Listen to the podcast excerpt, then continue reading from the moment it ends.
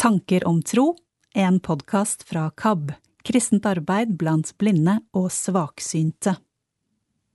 Det å høre ei god opplesing kan tilføre en tekst noe ekstra.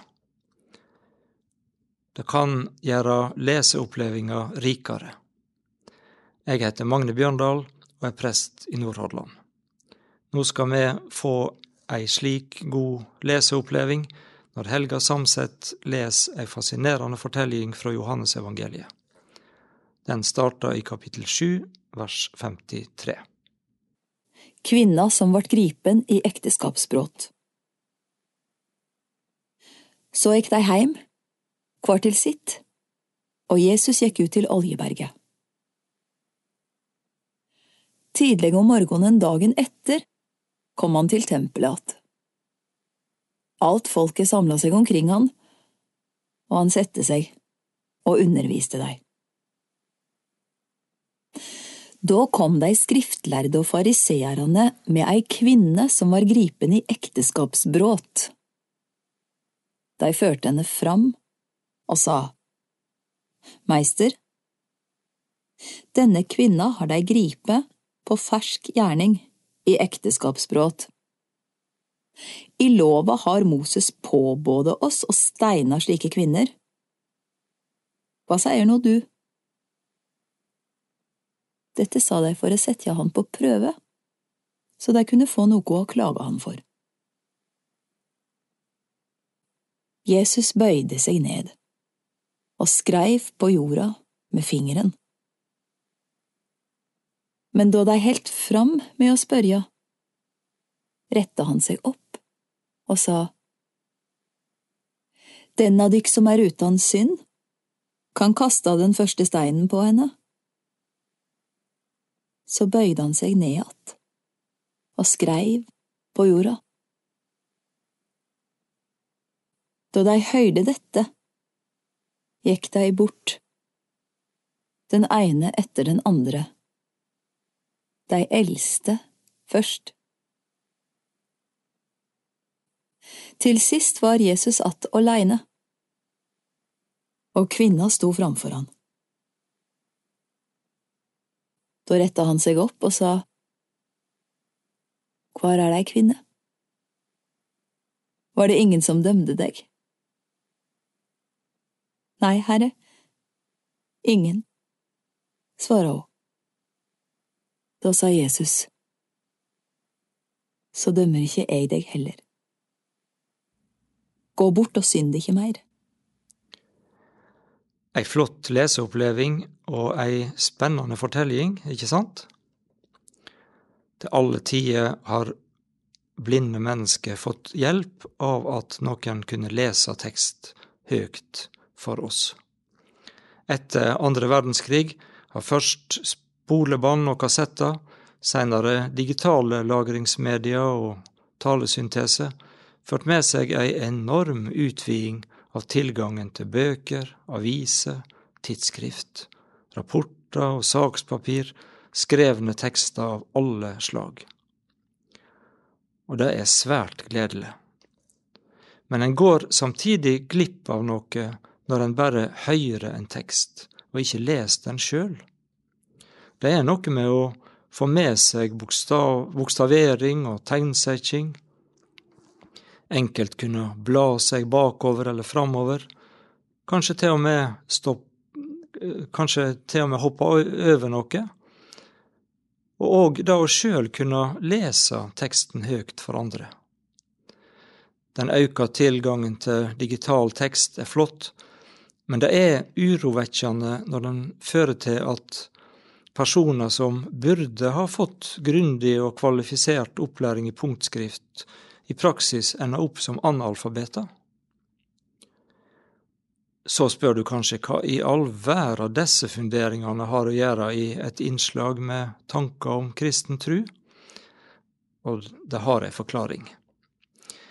Hvis du slår opp fortellinga om kvinna som var grepen i ekteskapsbrudd i en bibel, om det nå er i visuell skrift eller i punktskrift på papir eller på nettet, så vil, du, vil det ofte stå ei forklaring om at den mangler i de eldste håndskriftene.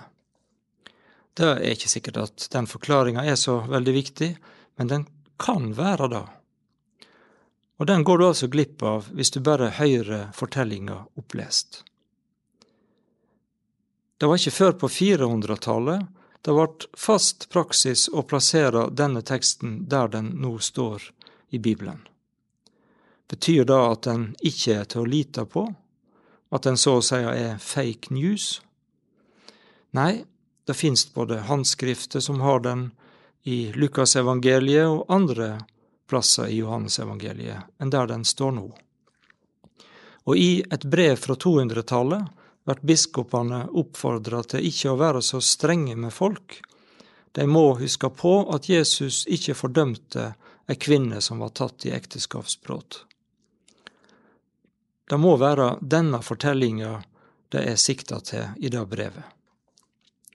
Det er med andre ord like god grunn til å lite på at dette har hendt, som på det andre som er fortalt om Jesus i Det nye testamentet. Hvorfor har så akkurat denne fortellinga ført et så omflakkende liv? Det kan vi vel ikke vite sikkert, men det er ikke urimelig å tenke at det har noe å gjøre med måten Jesus møtte denne kvinna på. Greit nok at han viste forståing, og at han forhindra at hun ble steina. Men går han ikke vel langt?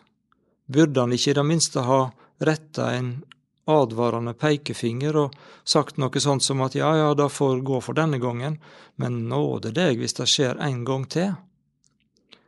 I andre sammenhenger legger han da sannelig ikke fingrene imellom, verken når det gjelder ekteskapet eller andre moralske spørsmål.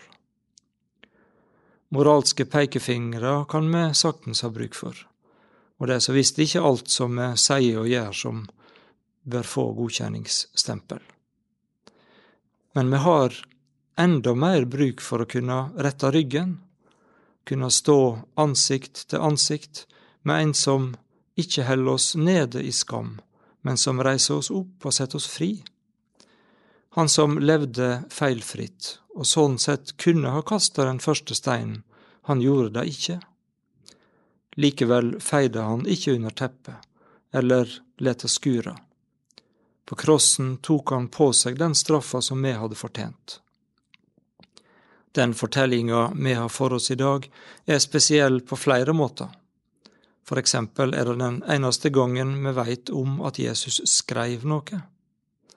Mange har lurt på hva han skreiv, og jeg veit jo ikke svaret. Et av forslaga som har vært sett fram, er at han ville få de skriftlærde til å tenke på et vers hjå profeten Jeremia, der det står Herre, du Israels von, alle som forlet deg, skal bli til skamme. De i landet som vender seg fra deg, skal skrivast opp for de har forlate Herren, kjelda med levende vatn.